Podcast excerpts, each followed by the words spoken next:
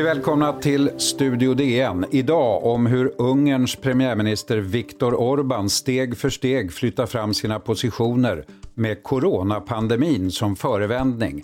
Ett gilla på Facebook kan vara ett brott mot en ny coronalag.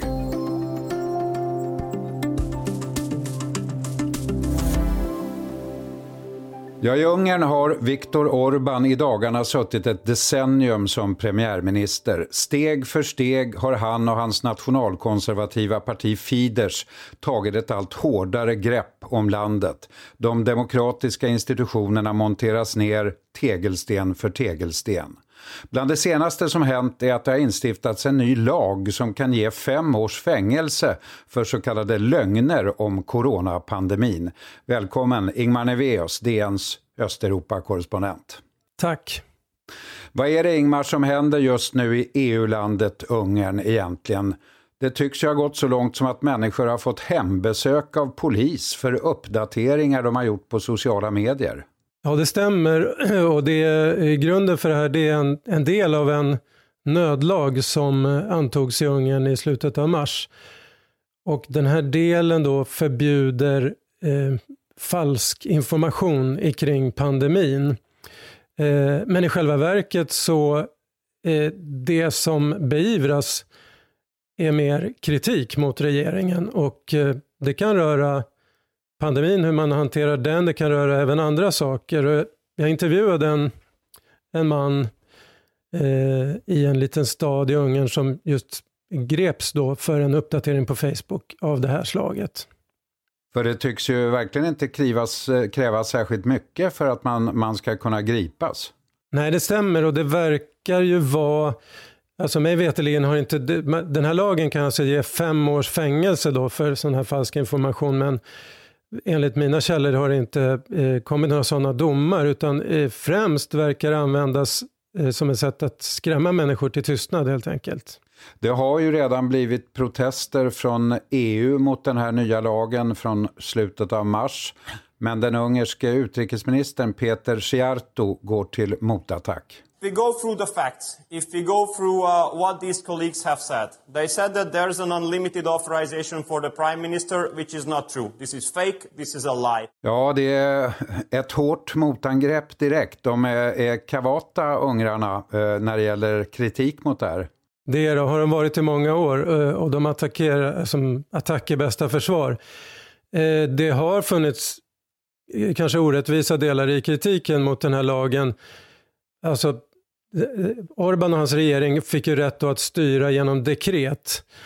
Och det som skilde det från andra länders liknande lagar, det var ju att man inte just satte någon tidsgräns på det här. Alltså, det normala är ofta att man har återkommande stationer där så att säga man får godkänna det igen då från parlamentets sida. Men här var det regeringen själv som definierar hur länge det här dekretstyret eh, ska eh, eh, finnas kvar. Och nu i veckan faktiskt så, så kommer Orban att lansera i parlamentet förslag att, att det ska upphöra. Möjligen som en följd av, av den här hårda kritiken eller för att själv ta initiativet. Sen hör till saken att han har ändå två tredjedelars majoritet. Så att um, han kan driva igenom vad han vill ändå. Och då handlar det också om, om andra förändringar som är mer av permanent natur, inte sant? Ja, till exempel det här vi pratade om nu då, med den här eh, attacken mot yttrandefriheten som man nog måste beteckna det som. Att, att man, det, det är en sorts gummiparagraf. Eh, man antas sprida lögner om pandemin när man i själva verket, som den här Janos som jag pratade med, uppmanade till en, en fredlig protest mot det faktum att man tömde ett stort antal sjukhussängar i hans lilla stad med pandemin som, som eh, förevändning. Eh, det är jättekontroversiellt. Alltså, man, man tömde, man skulle få 36 000 nya sängar då för pandemin och då, och då skickade man hem alltså tusentals, i många fall svårt sjuka patienter. Och att påpeka detta då och protestera om det, mot det, det, det ansågs då av polisen i den här stan vara var ett brott mot den här lagen. Jag förstår också att eh, Orban och regeringen har använt den här nödlagen eh, på flera olika sätt. Eh, till exempel, alltså inte bara coronarelaterade ingrepp då, utan de gillar inte könskorrigering till exempel, eller vissa typer av teater.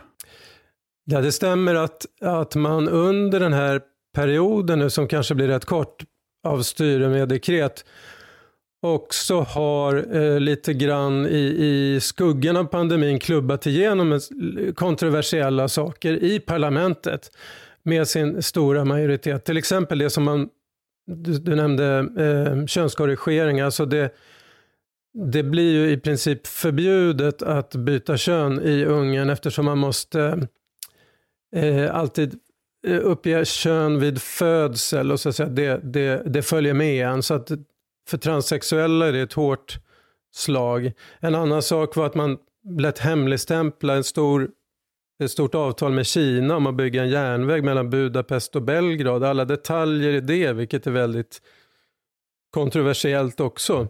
Eh, det passade man på i, i, lite grann i skuggan av det här.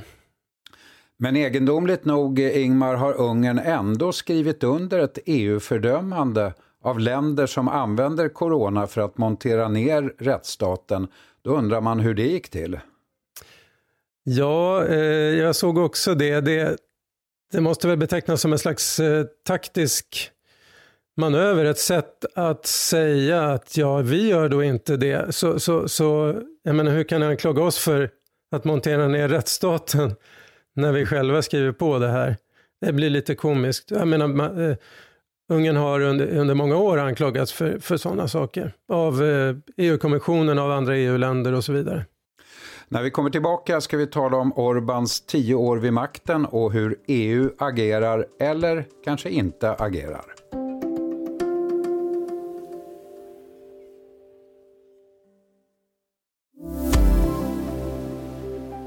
Sorsdöntő győzelmet arattunk, lehetőséget kaptunk lehetőséget teremtettünk magunknak, hogy megvédjük, megvédhessük Magyarországot. Vi har vunnit en avgörande seger, fått en chans och själva tagit chansen att försvara Ungern. Så sa Viktor, Viktor Orbán efter senaste valet eh, 2018. Ja, Ingmar Neveus, ett helt decennium alltså har Orbán haft makten i Ungern och det har varit en dramatisk förändring onekligen. Kan man säga att det har varit två olika typer av spår? Ett som gäller ekonomi och ett som gäller demokrati? Ja, det kanske man kan säga. Ehm, eh, man brukar tala om Orbanomics, alltså eh, en speciell Alltså, det får man ju säga att det har varit framgångsrika år för Ungern ekonomiskt. Eh, Orbán satt vid makten också en kort period på 90-talet. När han återkom till makten då 2010 hade han liksom bytt skepnad. Han hade blivit en radikal nationalist, han hade eh, ja, en populist. Eh, men det här med ekonomin, eh, det är bland annat ett, att locka till sig utländska investeringar, vilket man har varit väldigt framgångsrik i. Flera stora tyska biltillverkare är, är enorma, eh, har enormt många anställda i Ungern till exempel. När det gäller demokratin så eh, liksom sticker ju Fides och Orban inte under stol med att man vill se ett annat system än det vi har i de flesta andra EU-länder. Man talar om illiberal demokrati. Och det går ju kortet ut på att liksom regeringsmakten eh, ska vara den allenarådande makten. De här andra som man brukar säga balanserar regeringens makt, domstolar, medier och sånt, Eh, det ska underordnas regeringen. Och i ryggen har ju Orban en väldigt stor majoritet. De två senaste valen, två tredjedelars majoritet. Men kan man kalla Ungern överhuvudtaget en demokrati idag? Eh, många tycker ju inte det, utan eh, Freedom House till exempel, en, en väldigt välrenommerad eh, organisation som klassar länder och i hela världen eh, klassade ner då Ungern från fullvärdig demokrati, vilket alla andra EU-länder klassas som, till, eh, jag kommer inte ihåg vad det kallas, någon slags hybridregim. Men landet är ju alltså eh, medlem i EU men verkar på många sätt vara långt utanför. Varför är man med överhuvudtaget? Ja, ett, ett svar är ju att eh, EU är väldigt fördelaktigt ekonomiskt för Ungern som är största nettobidragstagare om man räknar per capita i EU.